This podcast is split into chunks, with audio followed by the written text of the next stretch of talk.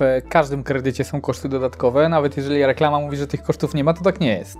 Czyli Pamiętajmy, kłamią. kłamią, oczywiście. Bardzo często ta oferta jest taka, żeby tego klienta tylko przyciągnąć, czyli nie zawiera ona kosztów dodatkowych.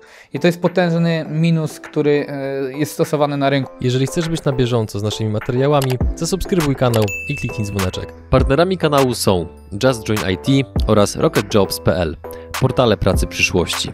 SoFinanse, eksperci w dziedzinie finansów. IBCCS Tax, spółki zagraniczne, ochrona majątku, podatki międzynarodowe. Linki do partnerów znajdziecie w opisie filmu. Dzień dobry drodzy widzowie, Adrian Gorzycki, Przygody Przedsiębiorców. Witam Was w kolejnym odcinku, gdzie tym razem naszym gościem jest... Szymon Soroka. Dzień dobry. Dzień dobry. Szymonie, na samym początku przytoczę kilka liczb, a Ty proszę, proszę sprawdzać, czy one są prawdziwe i właściwe. W branży szeroko rozumianych finansów działasz od ponad 7 lat. Tak, od 7 lat. Przez ten czas Ty solo bądź z zespołem obsłużyliście ponad 4000 klientów. Zgadza się. I pozyskaliście dla nich oszałamiającą liczbę ponad 700 milionów złotych. Zgadza się. Jeżeli mówimy o łącznej liczbie e, obsłużonych klientów, tak i łącznej tej kwocie finansowania, to około 700 milionów złotych mamy za sobą. Czy ta kwota na Tobie robi jakiekolwiek wrażenie, czy już tak przywykłeś do takich rzeczy? Przywykłem, mam nadzieję, że te kwoty będą jeszcze większe. Czyli optymizm. Optymizm, jak najbardziej. Drodzy widzowie, musicie wiedzieć, że to jest pierwszy odcinek serii eksperckiej z Szymonem, gdzie będziemy rozmawiali o różnych produktach finansowych z perspektywy osoby, która zjadła zęby na tej branży, po to, żebyście Wy nie musieli później popełniać różnego rodzaju błędów, które po prostu są kosztowne. Dzisiejszy odcinek będzie poświęcony kredytom hipotecznym i żeby nie przedłużać, to od razu przechodzimy do bramki numer jeden. Czy warto wcześniej przygotować się do kredytu hipotecznego? Jak najbardziej. E, powiem tak, nawet powinniśmy wcześniej przygotować się do kredytu hipotecznego, ponieważ na przykładzie obsłużonych klientów, tej liczby, którą wymieniłeś wcześniej, można powiedzieć, że bardzo często było tak, że przykładowo klient do nas przychodził, mówił, że ma podpisaną umowę przedwstępną, okazywało się, że na jego drodze pojawiły się wcześniej jakieś przeszkody, typu, nie wiem, e, miał mm, poprzez, nie wiem, złotówkę czy 10 zł zbudowaną negatywną historię kredytową, miał jakieś niespłacone mm, mandaty niezapłacone i tego nie sprawdził, nawet nie miał takiej świadomości, że coś takiego wystąpiło. Miał dochód, który nie pozwalał na to, żeby klient mógł przystąpić w ogóle do takiego finansowania, e, jakie chciał, tak, do takiego finansowania, jakie planował. Tak więc tutaj odpowiadając na pytanie, jak najbardziej. Uważam, że klient, który e, planuje kupić sobie mieszkanie, czyli można kolokwialnie powiedzieć, planuje spełnić swoje marzenie, bo uważam, że mieszkanie e, i ten swój własny kąt to jest, to jest duży sukces w życiu i krok, który spełnia te marzenia, powinien wcześniej zgłosić się do doradcy finansowego, powinien zaciągnąć e, opinii, zbadać swoją zdolność kredytową, zapytać się takiego doradcy, czy ta zdolność jest na pewno wystarczająca e, do tego, aby przystąpić do tego pożądanego finansowania. Mhm. Powinien sprawdzić sobie e, swoją historię kredytową, jeżeli oczywiście ją posiadał, tak? Jest to też bardzo prosta, bardzo prosta czynność, którą można wykonać. E, na czym polega? Polega ona na tym, że ściągamy sobie raport z Biura Informacji Kredytowej, czyli logujemy się na stronę www.big.pl, która jest ogólnie dostępna dla wszystkich mhm. klientów. Wypełniamy bardzo krótki formularz osobowy, e, płacimy ze swojego konta osobistego złotówkę na taką opłatę weryfikacyjną, żeby można było zobaczyć, czy to jest rzeczywiście ten klient. Ten profil zostaje utworzony, wykupujemy sobie raport albo roczny, żeby się dobrze zabezpieczyć, bo Biuro Informacji Kredytowej też pozwala na to, e, żeby wyeliminować jakiekolwiek ryzyka związane z tym, że ktoś może na nas wyłudzić ten kredyt, ktoś może, nie wiem, próbować zrobić jakieś zapytanie kredytowe, które e, nie było e, przez nas oczekiwane, tak? Mhm. Opłacamy albo kwotę, żeby też nie, nie, kłamać, 39 zł za taki pojedynczy raport, żeby sobie szybko to zweryfikować. Na tak? dzień nagrywania wywiadu, czyli na, na dzień dzisiejszy. 18 marca 2021. Tak jest. Na dzień dzisiejszy 39 zł, kwota jednorazowa dla osoby, fizy dla osoby fizycznej, mhm. a ewentualnie pakiet, e, czyli 12 raportów na 12 miesięcy. Nie chcę kłamać, ale chyba 99 zł.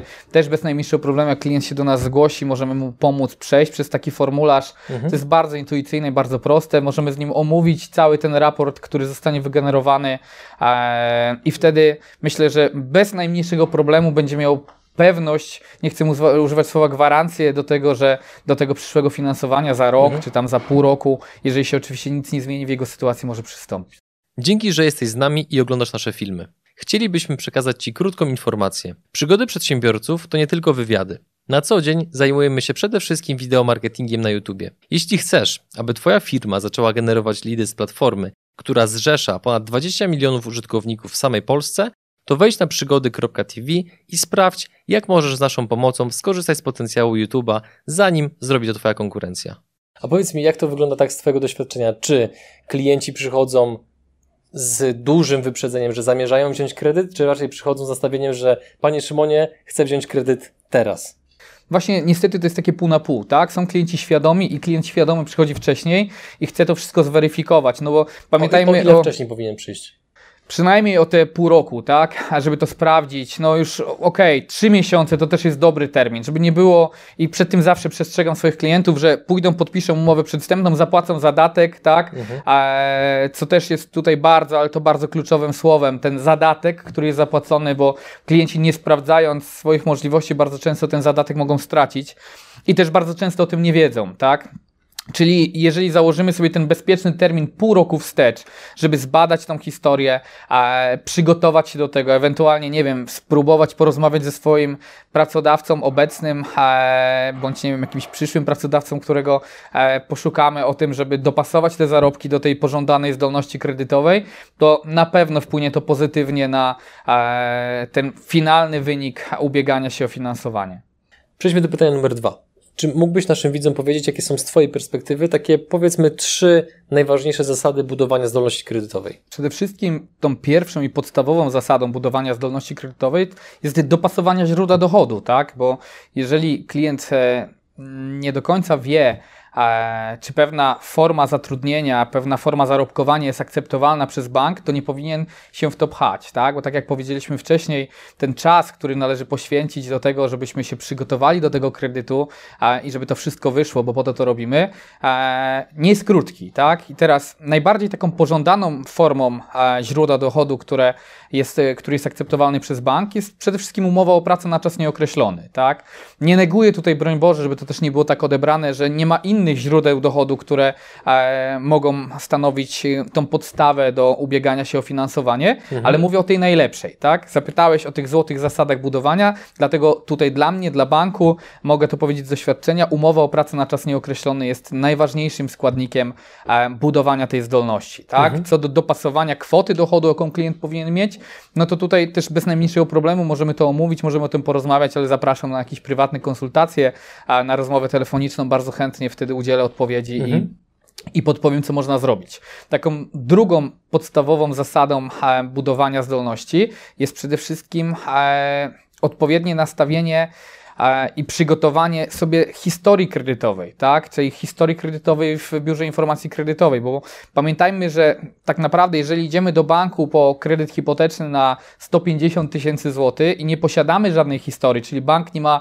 możliwości zweryfikowania tego ryzyka, czy będziemy spłacali, czy nie, jak spłacaliśmy, e, i czy to wszystko było rzetelne, no to okej, okay, zgodzę się, bank takie ryzyko przy małej kwocie finansowania podejmie, ale jeżeli idziemy po kwotę kredytu na poziomie 500, 600, 700 tysięcy złotych, a w dużych miastach to jest e, tak naprawdę rzeczywistość, to dobrze tą historię kredytową e, jest posiadać, tak? Czyli też uważam, że ten punkt drugi jest bardzo ważny. E, warto sobie nawet udać się gdzieś do sklepu, wziąć sobie coś na raty, tak? Też nie mówię, bo to też może być różnie odebrane, że jeżeli idziemy po kredyt hipoteczny z ratą na poziomie 3000 zł, to analityk będzie nas oceniał na podstawie produktu z ratą 200 zł, tak? Tak nie jest, ale jest coś takiego jak ocena scoringowa, która jest tworzona w mm, raporcie Biura Informacji Kredytowej. Jest coś takiego jak ocena scoringowa tworzona w banku i niestety, no żyjemy w XXI wieku i bardzo często klient oceniany jest przez system, a pozytywna ocena tego klienta,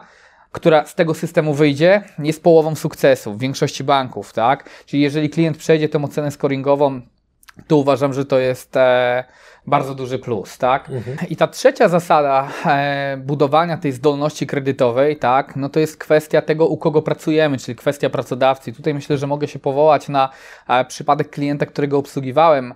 E, klient zarabiał kwotę powyżej 10 tysięcy złotych netto i niestety przez długą walkę, długie starania nie dostaliśmy finansowania. Pojawiło się pytanie, dlaczego? Zaczęliśmy drążyć, zacząłem rozmawiać z analitykiem, zacząłem rozmawiać z działem ryzyka w banku, bo też mamy takie możliwości, tak, żeby się dowiedzieć, dlaczego ten klient dostał odmowę.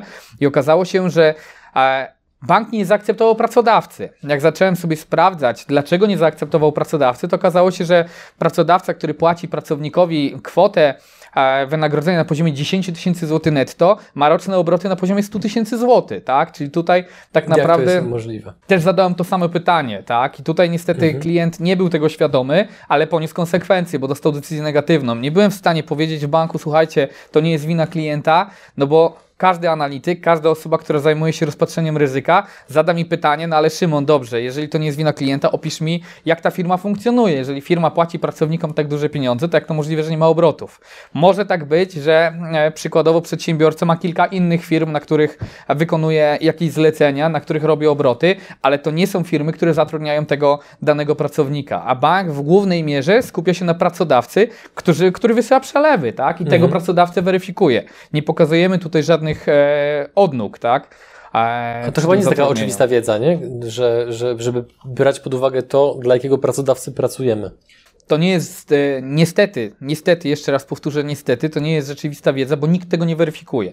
Klienci mhm. myślą, że jeżeli dostają nie wiem, pewną kwotę dochodu miesięcznie na konto, to jest coś pewnego i bank też uważa to za coś pewnego. Tylko pamiętajmy o jednej rzeczy, jeżeli pokazujemy pracodawcę, który ma 100 tysięcy rocznego obrotu, tak, no to dla banku to nie jest rzetelna firma, jeżeli mówimy oczywiście o skali takiej, że no pracodawca wypłaca e, 10 tysięcy pensji miesięcznej, tak, a tak naprawdę nawet tego nie zarobi. Chodzi o proporcje. Dla, chodzi o proporcje, oczywiście. Dla banku, tak jak i dla mnie, myślę też dla ciebie, tak, to jest firma, która za chwilę może przestać istnieć. Jeżeli ta firma przestanie istnieć, to ten klient, który będzie chciał skorzystać z finansowania, nie będzie miał możliwości spłaty. Mhm. A na tym w głównej mierze to polega, bo jeżeli mówimy o kredycie hipotecznym, to nie jest łatwością dla banku, że bank sobie pójdzie e, i powie: OK, dzisiaj ci Adrianie pożyczyliśmy 500 tysięcy, przestałeś nam to spłacać i jutro ci zabierzemy to mieszkanie i sprzedamy. To nie jest hop. To jest kredyt hipoteczny, czyli kredyt na cele mieszkaniowe. Nie można wyrzucić klienta od tak bank też ma bardzo duże trudności, żeby mm, zbyć taką nieruchomość, która jest zabezpieczona mhm. kredytem, tak?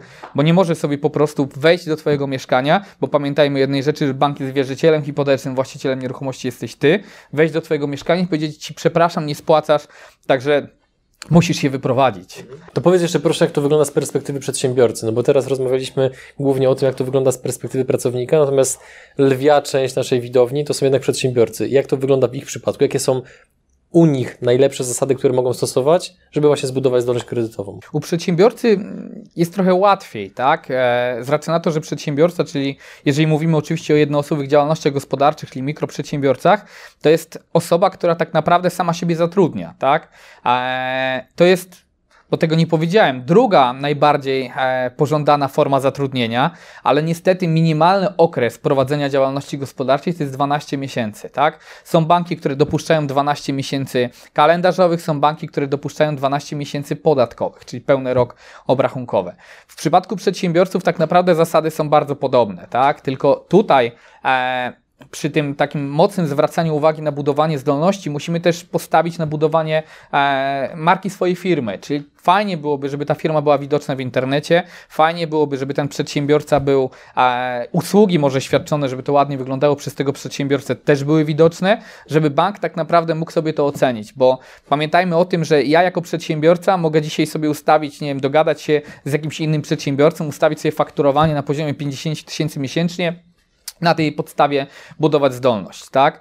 Ale jeżeli będzie widać, że ja rzeczywiście te 50 tysięcy mogę zarobić, jeżeli pakiet świadczonych przeze mnie usług będzie na tyle szeroki, że bank, analityk, osoba, która będzie podejmowała tą decyzję, zobaczy, że to jest rzeczywiście realne, to bez najmniejszego problemu e, takie źródło będzie akceptowalne, tak? I Tutaj... faktycznie banki weryfikują przedsiębiorców właśnie w Google, w wyszukiwarkach, sprawdzając, jak taki przedsiębiorca no, wygląda w tej takiej, nazwijmy to, warstwie internetowej? Tak. Kiedyś mieliśmy nawet taki webinar, który też pokazywał, co zrobić, żeby się e, jakoś pokazać w internecie, do tego przygotować. Taką podstawą, naprawdę podstawą, e, którą zbadałem e, przy 13 analitykach, z którymi wtedy rozmawiałem, to był chociażby dodanie numeru telefonu, który jest w internecie, tak? Czyli podstawowa mhm. informacja o tym pracodawcy, jakieś dane adresowe. Mam takie przypadki, że mam przedsiębiorcę, który przykładowo rejestruje, nie wiem, e, swoją działalność gospodarczą w, w, domu babci, gdzie wpisuje sobie w lokalizatorze w Google ten adres i wyskakuje mi po prostu chata, która się wali, tak, i która dla mnie, już jako dla doradcy, który ma ocenić ten pierwszy etap e, wniosku i przygotować ten wniosek, jest podejrzane, tak. Jeżeli też, żebyście mnie nie źle, źle, nie zrozumieli, no nie mówię tego złośliwie, broń Boże, tylko mówię, jak na to patrzą analitycy. Przestrzegasz tak? po prostu. Przestrzegam przed takimi rzeczami. Panie Szymonie, bramka numer 3, gotowi? Gotowi. Czy musimy mieć wkład własny? A jeżeli tak, to jaki? Zgodnie z teorią musimy mieć wkład własny i ten minimalny akceptowalny wkład własny przy kredycie hipotecznym to jest 10%. Tutaj taka może mała, nie mała gwiazdka. Są klienci, którzy uzbierają sobie te 10% wkładu własnego na te wymarzone mieszkanie, przychodzą do mnie jako do doradcy, tak, przeprowadzamy proces kredytowy. Też chciałbym zaznaczyć, że nigdy nie składamy wniosku w jednym banku, zawsze składamy ten wniosek w dwóch, trzech bankach, żeby rozłożyć ryzyko związane z tą transakcją. No bo nie wiadomo, jeżeli jednemu analitykowi się coś nie spodoba, to zawsze mamy w rezerwie drugi bank, jeżeli drugiemu się nie spodoba, mamy trzeci. Mamy jakieś prawo wyboru, tak? To są moje reguły postępowania i tak robię. I teraz, jeżeli pierwszemu się coś nie spodoba i powie OK, nie damy ci na 10%, drugiemu się nie spodoba i powie nie damy ci na 10%, a trzeci powie OK, jesteś dobrym klientem, ale uważam, że nie wiem, miałem taki argument kiedyś u klienta, że twoje zarobki są za wysokie na to, żebyś miał 10% wkładu własnego. Chcemy od ciebie 15, 20, 30% wkładu własnego. Czyli tutaj na to trzeba naprawdę szczególnie zwrócić uwagę i na to się trzeba przygotować, że może się tak stać, że te 10% będzie mm, tak naprawdę kwotą, która nie wystarczy na sfinansowanie tego wkładu. Bardzo ważna rzecz. Klienci nabywając nieruchomość od dewelopera e, bardzo często liczą sobie ten wkład własny tylko i wyłącznie od kwoty nabycia. A też pamiętajmy o tym, że możemy bez najmniejszego problemu połączyć cele kredytu, czyli możemy wziąć środki na zakup tej nieruchomości oraz na wykończenie takiej nieruchomości, tak, żeby w niej zamieszkać. I tutaj wkład własny liczymy zawsze od całej kwoty transakcji. Czyli jeżeli, żeby było łatwo liczyć, kupujemy mieszkanie za 300 tysięcy i chcemy 100 tysięcy na wykończenie, to wkład własny nie płacimy tylko od nabycia, tylko płacimy od całej kwoty transakcyjnej, czyli od tych 400 tysięcy złotych. To jest bardzo istotne. Taki dobry wkład własny, e, tak naprawdę wymagany e, zgodnie z ogólnymi panującymi wymogami to jest 20% kwoty transakcji, tak? I teraz też, e, żebyś mnie dobrze zrozumiał, ty i wszyscy widzowie, jeżeli mamy 10%, to ok, zrobimy kredyt, nie ma najmniejszego problemu. Tylko warunki tego kredytu będą na pewno gorsze, niżeli w banku, który wymaga większego wkładu, niżeli u klienta, który ma więcej pieniędzy. Tak? Przy 20% wkładzie własnym jesteśmy w stanie po pierwsze wynegocjować coś lepszego dla klienta, jesteśmy w stanie mm, na pewno załatwić szybszy proces, tak? E, I myślę, że dużo, dużo więcej korzyści dla tego klienta. Tutaj dodam jeszcze taką drugą gwiazdkę, myślę, że też, też dużą. E, jeżeli ktoś nie ma tego wkładu własnego, a planuje kupić nieruchomość, to też są sposoby na to, żeby takiego klienta uszczęśliwić, żeby taki klient mógł spełnić swoje marzenie i nabyć swoją wymarzoną nieruchomość. Ale to już zakładam, że podczas pewnie indywidualnej zapraszam, rozmowy. Zapraszam, oczywiście, zapraszam na indywidualną rozmowę. To rozwijmy proszę jeden wątek, bo tutaj mam to pytanie zapisane troszeczkę później, ale już o tym trochę wspomniałeś. Mm, w momencie, jeżeli klient się decyduje na wyższy wkład własny, 20%, to ten proces kredytowy może być dużo szybszy. Więc proszę powiedz, jak wygląda, jak w ogóle, ile trwa proces kredytowy? Są banki, w których możemy załatwić e, kredyt hipoteczny w dwa tygodnie, tak? Mhm. Ale tak jak powiedziałem wcześniej, ta oferta też nie będzie dobra. Taki normalny czas procesowania to jest od miesiąca do półtora miesiąca. Pamiętajmy o jednej podstawowej rzeczy, jeżeli mamy banki, które mają bardzo dobrą ofertę, to w tych bankach też jest kolejka, czyli w tych bankach jest bardzo dużo klientów, którzy oczekują na otrzymanie tego finansowania. Co za tym idzie? No mamy wydłużony czas procesowy, tak? I tutaj w takim przypadku bardzo często klienci dzwonią po dwóch tygodniach i mówią, Panie Szymonie, ale kiedy? Panie Szymonie, dlaczego tak długo? Panie Szymonie, ale już mieliśmy mieć decyzję. Ja tutaj zawsze podkreślam, że jeżeli chcemy coś dostać dobrego, czyli chcemy mieć taki fajny produkt, który będzie mm, takim, no bardzo, ale to bardzo różniącym się od innych, to musimy na to poczekać, tak? Mhm. Nie ma takiego czegoś, że robimy coś e, tanio i szybko. No niestety ja takiej zasady nie, nie uznaję. Czyli tak odpowiadając wprost na Twoje pytanie, Myślę, że tak od miesiąca do półtora jesteśmy w stanie zamknąć taki proces hipoteczny. No i teraz okres procesu kredytowego ma bezpośredni związek z tym, na jaki czas podpisywać umowy przedwstępne. Czy mógłbyś to rozwinąć? Tutaj też e, trzeba zaznaczyć taką bardzo ważną rzecz, o której powiedziałem na początku, że nie składamy e, wniosków tylko i wyłącznie w jednym banku, żeby wyeliminować ryzyko związane z mm, no tak naprawdę niepowodzeniem takiej transakcji. Mhm. Jeżeli klient, nie wiem, zawrze taką umowę przedstępną na miesiąc do przodu, tak, to tutaj z automatu już wiemy, że może być ciężko. I ja z automatu informuję klienta, że istnieje ryzyko, że ta transakcja po prostu nie wyjdzie. Ja zawsze mówię, żebyśmy mieli ten czas dwóch, trzech miesięcy na umowie przedstępnej, e, żeby zabezpieczyć klienta, tak? Może coś nie wyjść, może coś się nie spodobać analitykowi. Klient może dostać odmowę, może się rozsunąć ten proces. Klient może dostać odmowę, zaczniemy negocjować z bankiem, zaczniemy rozmawiać z analitykiem, analityk wróci nam ten proces kredytowy, tak? Ale to też trwa. Czyli tutaj, żeby klient nie stracił zadatku, e, to zawsze proponuję, żeby zawierać te umowy przedstępne na okres tak dwóch, trzech miesięcy na pewno, tak? Żeby się zabezpieczyć. Też zawsze informuję sprzedających, bo bardzo często uczestniczę w rozmowach i w jakichś negocjacjach przy zakupie nieruchomości, że to nie jest tak, że klient, nie wiem, jak zawrze tą umowę na trzy miesiące, to będzie czekał do ostatniego dnia i w ostatnim dniu dopiero pójdzie i podpisze akt notarialny. To jest mój chleb, e, bo ja na tym zarabiam, tak, na podstawie no, tego całego procesu kredytowego. Klient, który nabywa taką nieruchomość, też wpłacił pewną kwotę zadatku, czyli pozbył się pewnych pieniędzy, też chce już tam zamieszkać, tak? Wiadomo, w głowie budowana jest taka pewna wizja, o, będę miał swoje mieszkanie, będzie super, czyli każdemu zależy na czasie, ale to jest ten okres trzech miesięcy to jest czas, który ma zabezpieczyć klienta. A przede wszystkim na tym nam zależy, bo to klient wydaje swoje pieniądze. Powiedziałeś sporo teraz o tym, jak ten okres powinien trwać, żeby właśnie nie stracić między innymi zadatku. Natomiast co w sytuacji, jeżeli to się i tak wydłuży? Co zrobić, żeby tego zadatku w ogóle nie stracić? Czy w ogóle istnieje taka możliwość, żeby zrobić takie zapisy w umowie, żeby ten zadatek, który wpłacamy na, na, rzecz nabycia nieruchomości, żeby on był jednak bezpieczny? Jak najbardziej. Są dwa takie sposoby, które możemy zastosować w umowie przedwstępnej. Pierwszy mm, taki zapis to jest zapis e, mówiący o tym, że klient daje zaliczkę, a nie zadatek. Tak? Pamiętajmy o tym, że zaliczka jest zawsze zwrotna. Ale niestety w tym przypadku sprzedający nie za bardzo chcą się na to godzić. Jeżeli są świadomi, to wiedzą o tym, że tak naprawdę jeżeli klient im zapłaci zaliczkę, to w każdym momencie może się wycofać i nie ponosi żadnych konsekwencji.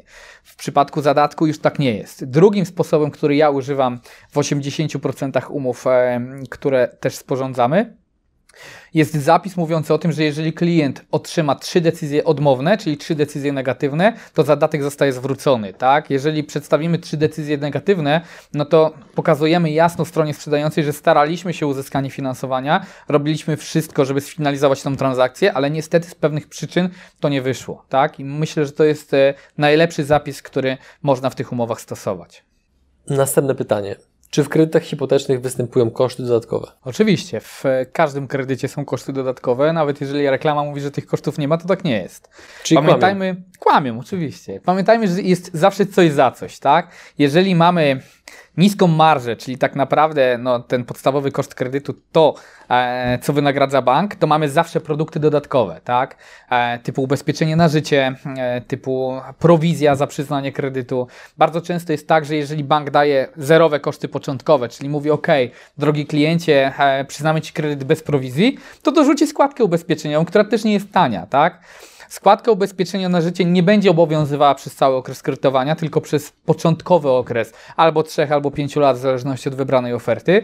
E, nie wiem, składka ubezpieczenia od utraty pracy, bo też takie występują, też będzie obowiązywała przez pewien początkowy okres, ale jakby nie było, to jest koszt. I te koszty też nie są małe, bo w zależności od kwot kredytu one sięgają od kilku do kilkunastu, nawet kilkudziesięciu tysięcy złotych. Tak? Dodatkowym kosztem, który występuje przy takiej transakcji hipotecznej, jest chociażby koszt wyceny nieruchomości, czyli koszt sporządzenia operatu szacunkowego. I tutaj też bardzo warto podkreślić, bo to jest bardzo istotna rzecz, że wycena nieruchomości, która jest robiona przez bank, bardzo często jest wyceną zaniżaną, bo banki stosują swoje tabele po to, żeby właśnie klient dopłacił wkład własny, bo powiedzą, drogi klienci, przyznaliśmy Ci kredyt, ale wartość nabywanej nieruchomości zgodnie z naszymi tabelami, no niestety jest niższa, a jeżeli wartość jest niższa, to automatycznie klient musi uzupełnić ją wkładem własnym. Dopłacić tak? do różnicy. Dopłacić do różnicy, tak. Mhm. Koszt takiego operatu szacunkowego, oczywiście w zależności od e, miasta, w którym taki operat jest sporządzany, to jest koszt od 300 do 1000 zł, tak? Mhm. Inny koszt będzie przy mieszkaniu, inny koszt będzie przy domu. Tutaj też zaznaczę, że nie ma najmniejszego problemu. E, moja firma świadczy usługi e, w tym zakresie w każdym dowolnym miejscu e, w naszym pięknym kraju jesteśmy w stanie taki operat szacunkowy dla klienta sporządzić. Teraz pytanie rozwijając ten wątek. Co klient może zrobić, żeby zapłacić niższe koszty? Przyjść do doradcy. Okej, okay. no, no tylko, teraz, tylko teraz poczekaj, jakby jedna rzecz, no bo doradca, doradcy nierówny. Mają, jedni mają większe doświadczenie, drudzy mają mniejsze i tak dalej, różnic jest sporo, więc na co taki klient powinien zwracać uwagę, o co powinien takiego doradcę pytać, żeby też sprawdzić, czy doradca faktycznie robi wszystko, co w jego mocy, żeby klient zapłacił jak najmniej. O koszty ukryte przede wszystkim, tak? Bo pamiętajmy o tym, że przedstawiając ofertę klientowi, bardzo często ta oferta jest taka, żeby tego klienta tylko przyciągnąć, czyli nie zawiera ona kosztów dodatkowych. I to jest potężny minus, który e, jest stosowany na rynku. Ja nie chcę tutaj negować e, logiki mojej konkurencji, bądź osób, którzy tutaj w tej branży pracują, tak, bo nie mogę tego robić, nie powinienem, ale zawsze e, trzeba zwrócić uwagę na to, jakie te rzeczywiste koszty z tym kredytem się wiążą. Czyli trzeba dopytać, jeżeli jest u składka ubezpieczenia na życie, to czy ta składka rzeczywiście skończy się po pewnym okresie, tak? Bo są wykluczenia w umowach kredytowych, które jasno mówią, że jeżeli mamy na przykład jednego kredytobiorcę, to aby utrzymać warunki cenowe, musi korzystać z tej składki ubezpieczeniowej oferowanej przez bank przez okres, nie wiem, 3-5 lat, ale później musi i tak dostarczyć własną. Jeżeli tego nie zrobi, to rosną mu koszty kredytu. E, musimy też pamiętać o tym, czy, nie wiem, chociażby przy ubezpieczeniu nieruchomości, które jest wymagane przez cały okres kredytowania, czy ta składka ubezpieczenia względem obniżki jakiegoś kosztu kredytu e, jest tego warta, tak? Bo to też jest uważam, że bardzo ważny koszt, bo w całym okresie kredytowania robi się z tego spora kwota. Trzeba zwrócić uwagę na to, czy czasami nie lepiej zapłacić 1% prowizji za przyznanie takiego kredytu, niżeli wybierać kredyt bez prowizji, ale z dużą składką bezpieczeniową, bo to też jest bardzo nieopłacalne. Czyli przede wszystkim naprawdę e, sprawdzajmy to, co podpisujemy i sprawdzajmy to, na co będziemy się decydowali, tak? Czy biorąc pod uwagę, jak wiele niuansów wiąże się z kredytem hipotecznym, to znasz przypadki klientów, którzy decydują się wziąć taki produkt bez konsultacji z doradcą finansowym? Mam bardzo dużo takich klientów, którzy, nie wiem, pierwszy kredyt wzięli bez konsultacji z doradcą finansowym, a później po drugi kredyt już przyszli, bo dowiedzieli się, e, też żeby było jasne, nie przyszli przed ubieganiem się o ten drugi produkt, tylko przyszli e, od razu po tym pierwszym produkcie, tak? Mam takich klientów, którzy wzięli kredyt hipoteczny i po pół roku do mnie przyszli i powiedzieli, Panie Szymonie, ale kurczę, tutaj coś jest nie tak, tu coś mi się nie zgadza, te koszty miały być inne. I wtedy analizując taką umowę, pokazuję klientom, e, jakie tam są koszty ukryte, pokazuję klientom, jakie są zapisy umowy. Pokazuje klientom, że jeżeli nie spełnią pewnych warunków, które są zawarte w umowie, to te koszty im wzrosną w trakcie okresu kredytowania. I z drugim mhm. produktem klient już przychodzi do nas. Też warto podkreślić, że jeżeli klient przyjdzie, mimo że już wziął produkt e, sobie sam, poszedł sam do banku, bo też niestety, ale mamy taką myśl w głowie, e, że jeżeli mamy konto w banku A, to na pewno dostaniemy tam najlepsze warunki kredytu. Podkreślę, tak nie jest i tak nigdy nie było i tak nigdy nie będzie. E, nawet jeżeli klient weźmie ten produkt, to bardzo warto wziąć umowę, przyjść do doradcy, zweryfikować te zapisy. Pamiętajmy o jednej podstawowej rzeczy, że kredyty możemy refinansować, czyli e, możemy je spłacać innymi kredytami, możemy polepszać ich warunki. Ja zawsze, jak spotykam się z klientem na kredyt hipoteczny, to mu zawsze podkreślam, że my nie wiążemy się na miesiąc, my się nie wiążemy na dwa miesiące, a wiążemy się na 20-30 lat, tak? czyli na cały okres kredytowania. E, bo pamiętajmy, że dzisiaj warunki są takie, za rok będą inne, za dwa lata będą inne, za trzy lata będą inne i cały czas możemy tymi kredytami żonglować, tak? E, jest wprowadzony piękny zapis o możliwości wcześniejszej spłaty kredytu. Już Niewiele banków stosuje prowizję za zamknięcie produktu hipotecznego. Są banki, które nie pobierają żadnej opłaty, czyli jeżeli klient po roku będzie chciał taki produkt zamknąć, jeżeli klient po roku będzie chciał zamienić warunki, czyli zrefinansować sobie taki kredyt hipoteczny, to bez najmniejszego problemu może to zrobić. Ustawa o kredycie hipotecznym, o kredycie konsumenckim jasno podkreśla, że przez pierwsze 36 miesięcy bank ma możliwość pobrania kosztów za zamknięcie takiego kredytu. Tak, te koszty są od 1 do 3%. E, od kwoty spłacanego kapitału, ale po trzech latach już takiej możliwości bank nie ma. Wiele banków poszło już tutaj w stronę konsumentów i tych opłat nie pobiera w ogóle. Przejdźmy teraz proszę do kolejnego wątku, którym jest liczenie swojej zdolności kredytowej. Jak najłatwiej ją policzyć i czy banki liczą ją inaczej niż my? Tutaj y, powiem jedną rzecz. Każdy bank liczy inaczej zdolność kredytową klienta, tak? Nie wgłębiając się tutaj już w kwestie źródła dochodu, jakie klienci mają, ale każdy bank ma inne kalkulatory. Jest coś takiego jak wskaźnik DTI, czyli wskaźnik mówiący o, tak po naszemu, o możliwościach maksymalnego zaangażowania finansowego względem osiąganych dochodów. A jeden bank traktuje, liczy ten wskaźnik jako 50% Twoich dochodów, drugi bank policzy jako 60%, trzeci jako 65%. Ja Zawsze klientom powtarzam, że tą zdolność, żeby policzyć najszybciej i trzymać się tych ram tego 50%, bo to jest jednak taka doza bezpieczeństwa, ja mam na to swój wzór. Za każde wydane 500 zł, za każde pożyczone 100 tysięcy płacimy 500 zł ratę e, przy 30-letnim okresie kredytowania. Czyli jeżeli zarabiasz przykładowo 5 tysięcy złotych, to możesz wydać na raty kredytów 2,5 tysiące złotych, tak? Jeżeli możesz wydać 2,5 tysiąca złotego, a na każde 500 złotych na każ każde 100 tysięcy to jest 500 zł. Jeżeli to sobie podzielimy, to wychodzi nam e, zdolność kredytowa. Czyli mamy 500 tysięcy, tak? Następne pytanie. Czy patrząc na finanse klienta można ocenić, czy może wziąć kredyt, czy nie? Powiem tak, to zależy. To jest, ja wiem, że to jest takie unikanie odpowiedzi, ale ja jestem osobą, która e, nigdy nie nakierunkowuje kogoś na finansowanie. Mam osobiście przyjaciela, który ma bardzo dobre zarobki, e, badałem mu zdolność kredytową, ale on uwielbia zmieniać miejsce zamieszkania. Dwa lata mieszka nad morzem, dwa lata mieszka w górach, dwa lata pomieszka w Warszawie i dla niego idealnym rozwiązaniem jest wynajęcie mieszkania. On nie musi tego mieszkania kupować, nie musi płacić raty. Łatwiej jest wypowiedzieć umowę najmu, niżeli pójść, spłacić kredyt, zamknąć te wszystkie formalności. Czyli tutaj tak naprawdę myślę, że to jest indywidualna decyzja każdego klienta. Nie będę, może to źle zabrzmi, ale nie będę namawiał na to, że tak, trzeba brać kredyt, bo to jest super, to jest wow, bo wszystko zależy od tego, co czujemy e, w sercu, co chcemy tak naprawdę zrobić, jakie chcemy podjąć decyzje. I myślę, że tutaj każdy indywidualnie powinien się w tej kwestii wypowiedzieć. Jeżeli lubiłbym podróżować i jeździłbym od miasta do miasta, to przypuszczam, że bym wynajmował i na kredyt bym się nie decydował. Że to jest uczciwe podejście, mi się wydaje, tak z Twojej strony, no bo jednak mówienie, że e, na pewno musisz wziąć kredyt albo na pewno musisz robić YouTube dla swojej firmy, no to, to jak używa ktoś w ogóle słowa na pewno albo nigdy, to ja za każdym razem mam taką lekką obawę, że to chyba nie jest aż tak zero-jedynkowe, więc to zawsze zależy tak naprawdę indywidualnie. Ale przejdźmy do kolejnego wątku, który myślę, że zainteresuje osoby, które jakkolwiek rozważają na przykład zostanie inwestorami na rynku nieruchomości, więc czy można kupić mieszkanie na wynajem e, i czy można to zrobić z kredytem hipotecznym w Polsce? Panie Adrianie, są banki, niestety niewiele tych banków jest, które dopuszczają celowość wynajmu, tak, ale niestety zgodnie z ustawą o kredycie hipotecznym, o kredycie konsumenckim, żeby mnie nikt nie złapał za słowo, kredyt hipoteczny jest to kredyt z przeznaczeniem na cele mieszkaniowe. A to własne. Własne. A to e, no, czy tam będzie mieszkała moja mama, czy tam będzie mieszkała moja siostra, czy tam będzie mieszkał mój brat i to jak my te cele mieszkaniowe zinterpretujemy, to już jest oczywiście też nasza indywidualna decyzja.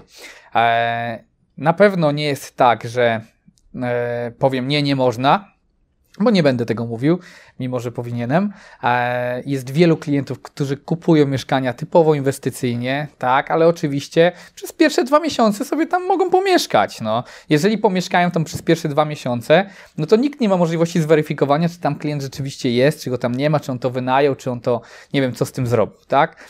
Tutaj ja zawsze też powtarzam klientom jedną podstawową rzecz, że wierzyciel hipoteczny e, jest bardzo, bardzo ważny, ale ustawa mówi jasno, że wierzyciel hipoteczny, czyli bank w tym przypadku, nie ma prawo do ingerowania we własność moją, tak? Czyli to ja jestem właścicielem i to ja mówię, co mogę z tym mieszkaniem sobie zrobić. Oczywiście początkowo zachowujemy tutaj celowość na cele mieszkaniowe własne. Nie masz wrażenia, że to jest taki troszeczkę archaiczny zapis, no bo rynek nieruchomości takich inwestycyjnych w Polsce jest chyba rynkiem całkiem sporych rozmiarów. Tych inwestorów, zwłaszcza w ostatnich latach, pojawiło się dość dużo, a mimo to nadal te powiedzmy przepisy prawne nie są tak stricte dopasowane do potrzeb tych inwestorów. Dlaczego? To jest niesamowicie archaiczny zapis.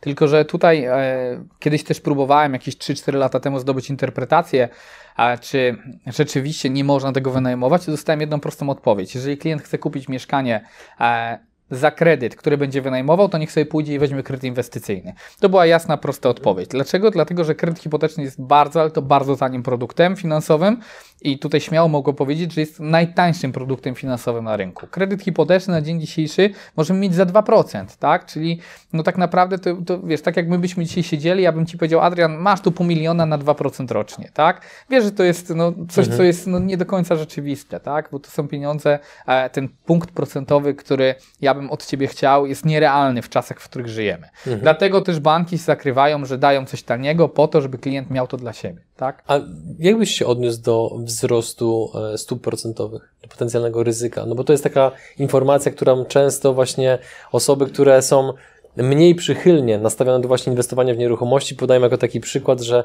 a co w przypadku, jeżeli te stopy procentowe wzrosną? Ja zawsze mm, powtarzam klientom na spotkaniu, nie zdarzyło mi się, żebym jakiemukolwiek klientowi w tym okresie, w którym jesteśmy, czyli w okresie tej pandemii e, szeroko pojętej, nie powtarzał. Zawsze klientowi mówię, że musi na to zwracać uwagę. Tak? Mhm. E, pół roku temu czy rok temu na spotkaniach mówiłem, że tak naprawdę stopy procentowe no, wahały się troszeczkę, ale nie mocno, tak, w przeciągu ostatnich kilku lat, czyli nie było widać tej różnicy.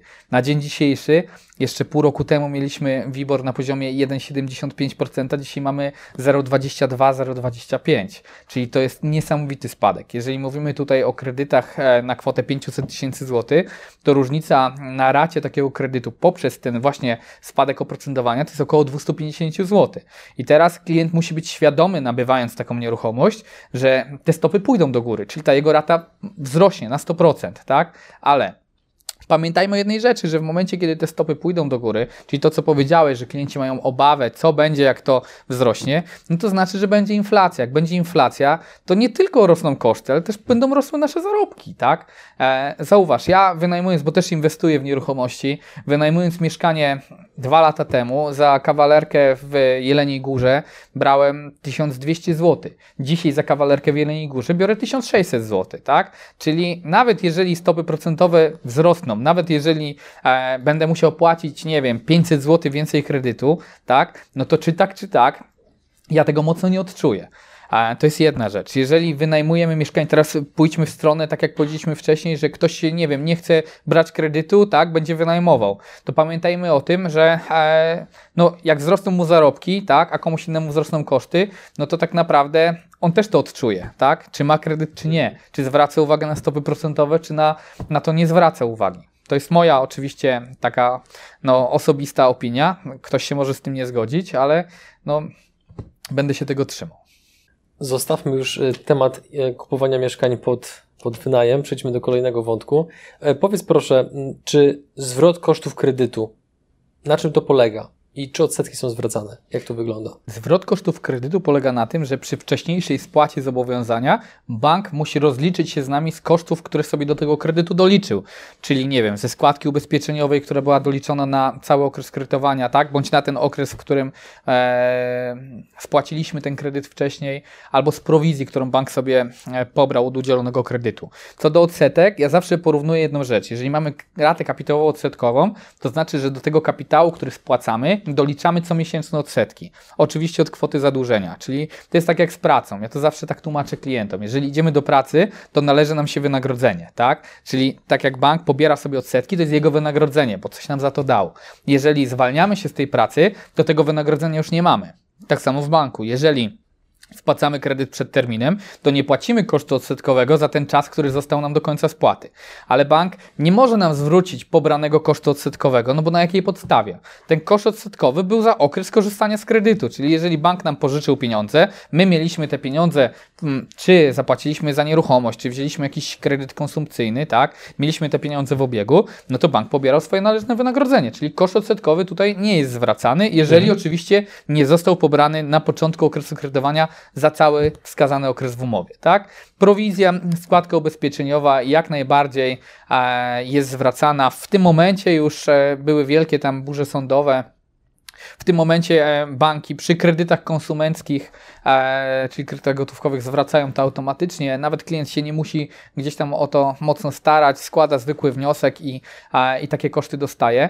E, tutaj jest bardzo duża ciekawostka, że też możemy odzyskać koszty z kredytów, które spłaciliśmy 2, 3, 4 lata temu, tylko oczywiście kredytów, które spłaciliśmy przed terminem. Ludzie o tym nie wiedzą, ale jeżeli napiszemy takie pismo do banku, tak, my bądź nasza kancelaria prawna, która także z nami współpracuje, to klient może na tym zarobić, bo śmiało powiedzmy sobie, jeżeli dostaje to coś, o czym nie wiedział, to na tym zarabia kilka, nawet kilkanaście tysięcy złotych. Chciałbym tutaj też podkreślić, że bez najmniejszego problemu, jeżeli ktoś się do nas zwróci, pomagamy sporządzić takie pismo. Jeżeli pismo e, sporządzone przez radcę prawnego, który pracuje akurat nie u mnie w biurze, nie pomoże, idziemy do sądu, to mm, zajmuje się tym sprawą, tą sprawą zajmuje się kancelaria prawna, która także pracuje e, przy moim biurze, mhm. która z nami wspólnie działa, tak? Jest jedyny minus, który Przerwę pojawia ci, się... Przepraszam, jaki, jak wysoki według Ciebie jest poziom nieświadomości ludzi, że jest taka możliwość, żeby właśnie odzyskać część pieniędzy w taki sposób? Ogromny. Myślę, że jeżeli mamy ocenić skalę kredytobiorców procentowo, to przynajmniej 70% kredytobiorców nie wie o tym, że może odzyskać koszty z tych kredytów, które kiedyś już spłacili, tak? 70% myślę, że potwierdzić to jest bardzo dużo. E, Drodzy bardzo widzowie, apel do Was, jeżeli macie Wy sami, bądź w swojej rodzinie, czy w swoim otoczeniu osoby, które spłaciły kredyt hipoteczny, to proszę wyślijcie link do tego odcinka, niech obejrzą nawet ten konkretny fragment, bo być może dzięki temu wpadnie im do kieszeni trochę złotówek. Wpadnie kilka złotówek przy kredycie konsumenckim gotówkowym, tak? To nie jest żaden problem, składamy pismo, mhm. bank ma obowiązek zwrotu. Przy kredytach hipotecznych banki stawiają bardzo dużą kontrę i nie chcą oddawać tych pieniędzy. Są banki, które oczywiście po jednym piśmie oddają, nie ma problemu, tak? Oczywiście wcześniej spłacono, jeszcze raz podkreślę. Ale jest taka jedna luka. Kredyt hipoteczny reguluje ustawa o kredycie konsumenckim a bank ma obowiązek zwrotu kosztów z kredytu konsumenckiego, tak? Czyli dla mnie tutaj e, to jest luka dla każdego klienta, dla każdego kredytobiorcy, którym, o, o, którym przed chwilą o tym powiedziałeś, e, w którym możemy naprawdę zarobić bardzo fajne pieniądze. Na kolejne pytanie już w dużym stopniu odpowiedziałeś wcześniej, ale jest taki fragment, który wydaje mi się, że nie wybrzmiał, a dobrze by było, żeby jednak o tym powiedzieć, czyli w przypadku umowy o pracę, ile wynosi minimalny okres zatrudnienia, żeby bank to w ogóle brał pod uwagę? Trzy miesiące. Jeżeli mamy nową umowę o pracę, to minimalny okres zatrudnienia to jest 3 miesiące. Tylko zwróćmy uwagę na to, że wiele banków niestety, ale przy tych 3 miesiącach nie do końca pozytywnie patrzy na takiego klienta. Taki akceptowalny e, staż zatrudnienia to jest 6 miesięcy. Oczywiście mówimy udanego pracodawcy i tutaj większość banków bardzo pozytywnie patrzy na klientów. Mamy tutaj e, szerokie możliwości, możemy nawet ponegocjować, tak? I nie mamy tego zmartwienia, że bank może się do czegoś doczepić. Jeżeli będzie to już już powyżej 6 miesięcy, to wtedy tutaj żadnego zmartwienia nie mamy. A 3 miesiące mm, też można to skrócić. W momencie, kiedy klient ma przykładowo kontynuację zatrudnienia i ta przerwa w zatrudnienia nie przekroczyła 14 dni, to równie dobrze bank zaakceptuje jedną pensję od nowego pracodawcy, tak? Ale musimy wykazać kontynuację mhm. zatrudnienia, tak? Łączny okres tego zatrudnienia no, musi nam wynosić te, nie liczmy 6 miesięcy, bo 3 to jest nie, nierealne, ale też jesteśmy w stanie tutaj coś takiego zrobić. Tu kolejne pytanie. Czy jeśli wystąpiła negatywna historia w BIG, to czy można coś z tym zrobić? Jeżeli, bardzo ciekawe pytanie, jeżeli wystąpiła negatywna historia w BIG i ten produkt jest już zamknięty, czyli tego produktu nie ma, to jak najbardziej możemy taką historię wymazać. Piszemy takie pismo o zaprzestaniu przetwarzania danych osobowych, wysyłamy je do danego banku, w którym ta negatywna historia wystąpiła i z tym bankiem e, negocjujemy, robimy wszystko, aby ten bank oczywiście tą negatywną historię z tego biura informacji kredytowej wykreślił. Bardzo często spotykamy się z odmowami w momencie, kiedy opóźnienie przekracza 90 dni. W prawie bankowym jest jeden podstawowy zapis, że jeżeli klient e, przekroczy 60 dni opóźnienia oraz 30 dni od poinformowania go o tym opóźnieniu, czyli łącznie 90 dni, tak jak przed chwilą powiedziałem, to bank ma prawo do przetwarzania danych osobowych przez okres 5 lat. Czyli teoretycznie przez 5 lat nic z tym klientem nie możemy zrobić. Ma zepsuty BIG, ma negatywną historię kredytową. Ale pojawiła się taka jedna piękna luka, jest to rozporządzenie RODO. W rozporządzeniu RODO jest piękny zapis, artykuł 17, prawo do bycia zapomnianym, który mówi o tym, że każdy konsument ma prawo do bycia zapomnianym, a żadna instytucja bez jego zgody nie ma prawa do przetwarzania jego danych osobowych osobowych. Jest na dzień dzisiejszy tylko i wyłącznie jeden bank, który jeszcze kłóci się z wysyłanym przeze mnie pismem, bo oczywiście też zajmujemy się czyszczeniem e, biuro, raportów Biurze Informacji Kredytowej, czyli czyszczeniem BIK-u, jak to wszyscy mówią. Jest jeden bank, który się jeszcze z nami kłóci, ale wygraliśmy z nimi już e, trzy sprawy sądowe. E, co prawda to trwa, ta batalia jest taka dość ostra, ale myślę, że jeszcze trochę i na pewno się dogadamy, bo już toczymy takie prywatne rozmowy e, z tym bankiem. Może nie, żeby to źle nie zabrzmiało prywatne, toczymy rozmowy z tym bankiem e, i myślę, że uda nam się przeskoczyć tą barierę. Jeżeli klient ma aktywne zobowiązanie, w którym miał opóźnienia, to też nie załamujmy się. Jeżeli te opóźnienia były rok temu i nie wiem, wynosiły one do 30 dni, to naprawdę możemy taki kredyt zrobić, tak? To nie neguję mocno. Jeżeli te opóźnienia wynosiły powyżej 90 dni, to też są banki, nie mówię, że wczoraj czy miesiąc temu, tak? Mhm, jasne. E, mówię o tym, że to było rok temu. To też są banki, które e, no, spojrzą na klienta przychylnym okiem, jeżeli oczywiście pokażemy, dlaczego tak było, tak? Jeżeli pokażemy, że klient ma stabilne zatrudnienie, że klient ma wkład własny, że klient e, jest dobrym klientem, ale coś się w jego życiu wydarzyło, że niestety to opóźnienie miał. Jeżeli jeszcze, żeby podsumować, zamknięte zobowiązania w biku czyścimy, nic się nie dzieje, tak, e, aktywne zobowiązania, jeżeli to nie jest opóźnienie bieżące, e, to myślę, że też jesteśmy w stanie negocjować z bankiem. Wyobraźmy sobie sytuację, że przychodzi do Was klient, który nie ma źródła dochodu aktualnie, ale ma zgromadzony majątek. Czy to wystarczy, żeby ubiegać się o kredyt, czy to jednak jest za mało? Teoretycznie nie, nie ma takiego czegoś z racji na to, że no klient, który e, chce dostać finansowanie, musi mieć zdolność do jego spłaty. I to jest pojęcie zdolności kredytowej. Zdolność mhm. kredytowa to nie jest posiadany majątek. Zdolność kredytowa to jest zdolność do opłacania finansowania e, zobowiązań, tak? Czyli jeżeli ty masz 300 tysięcy, to bank może ci powiedzieć, że ok, ty jutro tych 300 tysięcy nie będziesz miał. Ty masz milion, jutro też go możesz nie mieć, tak? Czyli ci powie, że nie masz możliwości do spłaty zobowiązania.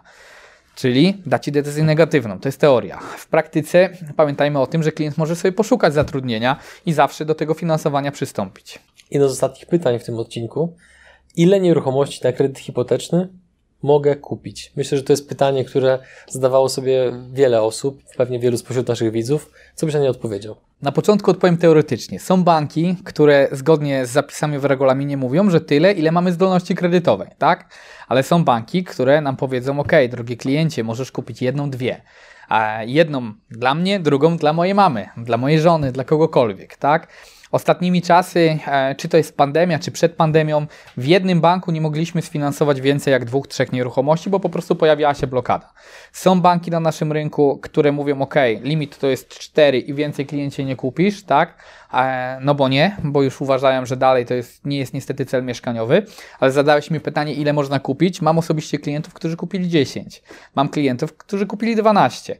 Dzisiaj dostałem przepiękną rano mm, e, odpowiedź z banku. Walczyliśmy z jednym klientem żeby Cię nie skłamać, 12 miesięcy. Klient podpisał umowę deweloperską prawie dwa lata temu. Jest, nie będę wymieniał tutaj dewelopera, e, bo nie mogę, nie pytałem o zgodę. Deweloper jest bardzo wyrozumiały z Wrocławia, tyle mogę powiedzieć. Czekał na tego klienta i na zapłatę za daną nieruchomość. Już teraz czeka drugi rok, jesteśmy półtora roku po terminie wymagalności. Udało nam się dzisiaj zrobić e, dziesiątą e, umowę kredytową z tym danym klientem. Regularność mieliśmy co dwa miesiące. Na jednej zdolności kredytowej. Na jednej zdolności kredytowej. Hokus pokus czary mary. Czary mary zapraszam na prywatne, indywidualne konsultacje. Ostatnie pytanie. Czy można odwołać się od decyzji negatywnej wydanej przez analityka? Zawsze. Pamiętajmy o jednej rzeczy, że analityk to jest taki sam człowiek jak my. Jeżeli dostajemy decyzję systemową, tak, czyli to, co powiedzieliśmy na samym początku odcinku, że mamy coś takiego jak ocena scoringowa klienta i niestety system bardzo często przez tą ocenę scoringową może nas odrzucić, bo coś tam jest nie tak, to jest tylko i wyłącznie zapis algorytmu, mhm. to też się od tego odwołujemy. Jeżeli analityk powie, OK, daje decyzję negatywną, bo coś mi się nie podoba, to to, co mm, powiedziałem wcześniej, czyli ta rozmowa odnośnie zatrudnienia jednego z moich klientów e, z analitykiem, co było powodem, to była normalna rozmowa, tak jak my teraz siedzimy, tak?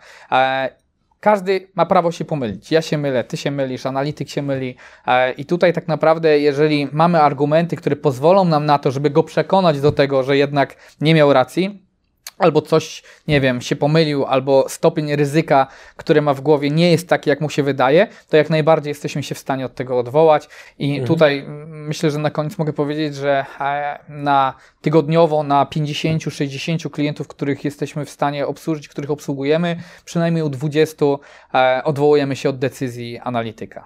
To nie jest dlatego, że nie wiem, jest zły klient, czy coś jest u nas nie tak. Działamy dużą skalą, dlatego też no, mamy dużą skalę odwołań. Ale jeżeli, to też yy, myślę, że warto dopowiedzieć, to nie jest tak, że jest, nie wiem, zły klient e, i dostał decyzję negatywną, to jest dobry klient, ale poszliśmy do banku, który ma bardzo dobrą ofertę. Ten bank ma pewne wymagania i niestety pewne sztampowe zapisy, dlatego też decyzja negatywna, dlatego też negocjacja z analitykiem. W większości przypadków e, wychodzi to pozytywnie. Nie zauważyłem, że na odwrocie zapisałem sobie jeszcze jedno pytanie, więc pozwól, że je zadam i teraz naprawdę już będzie koniec.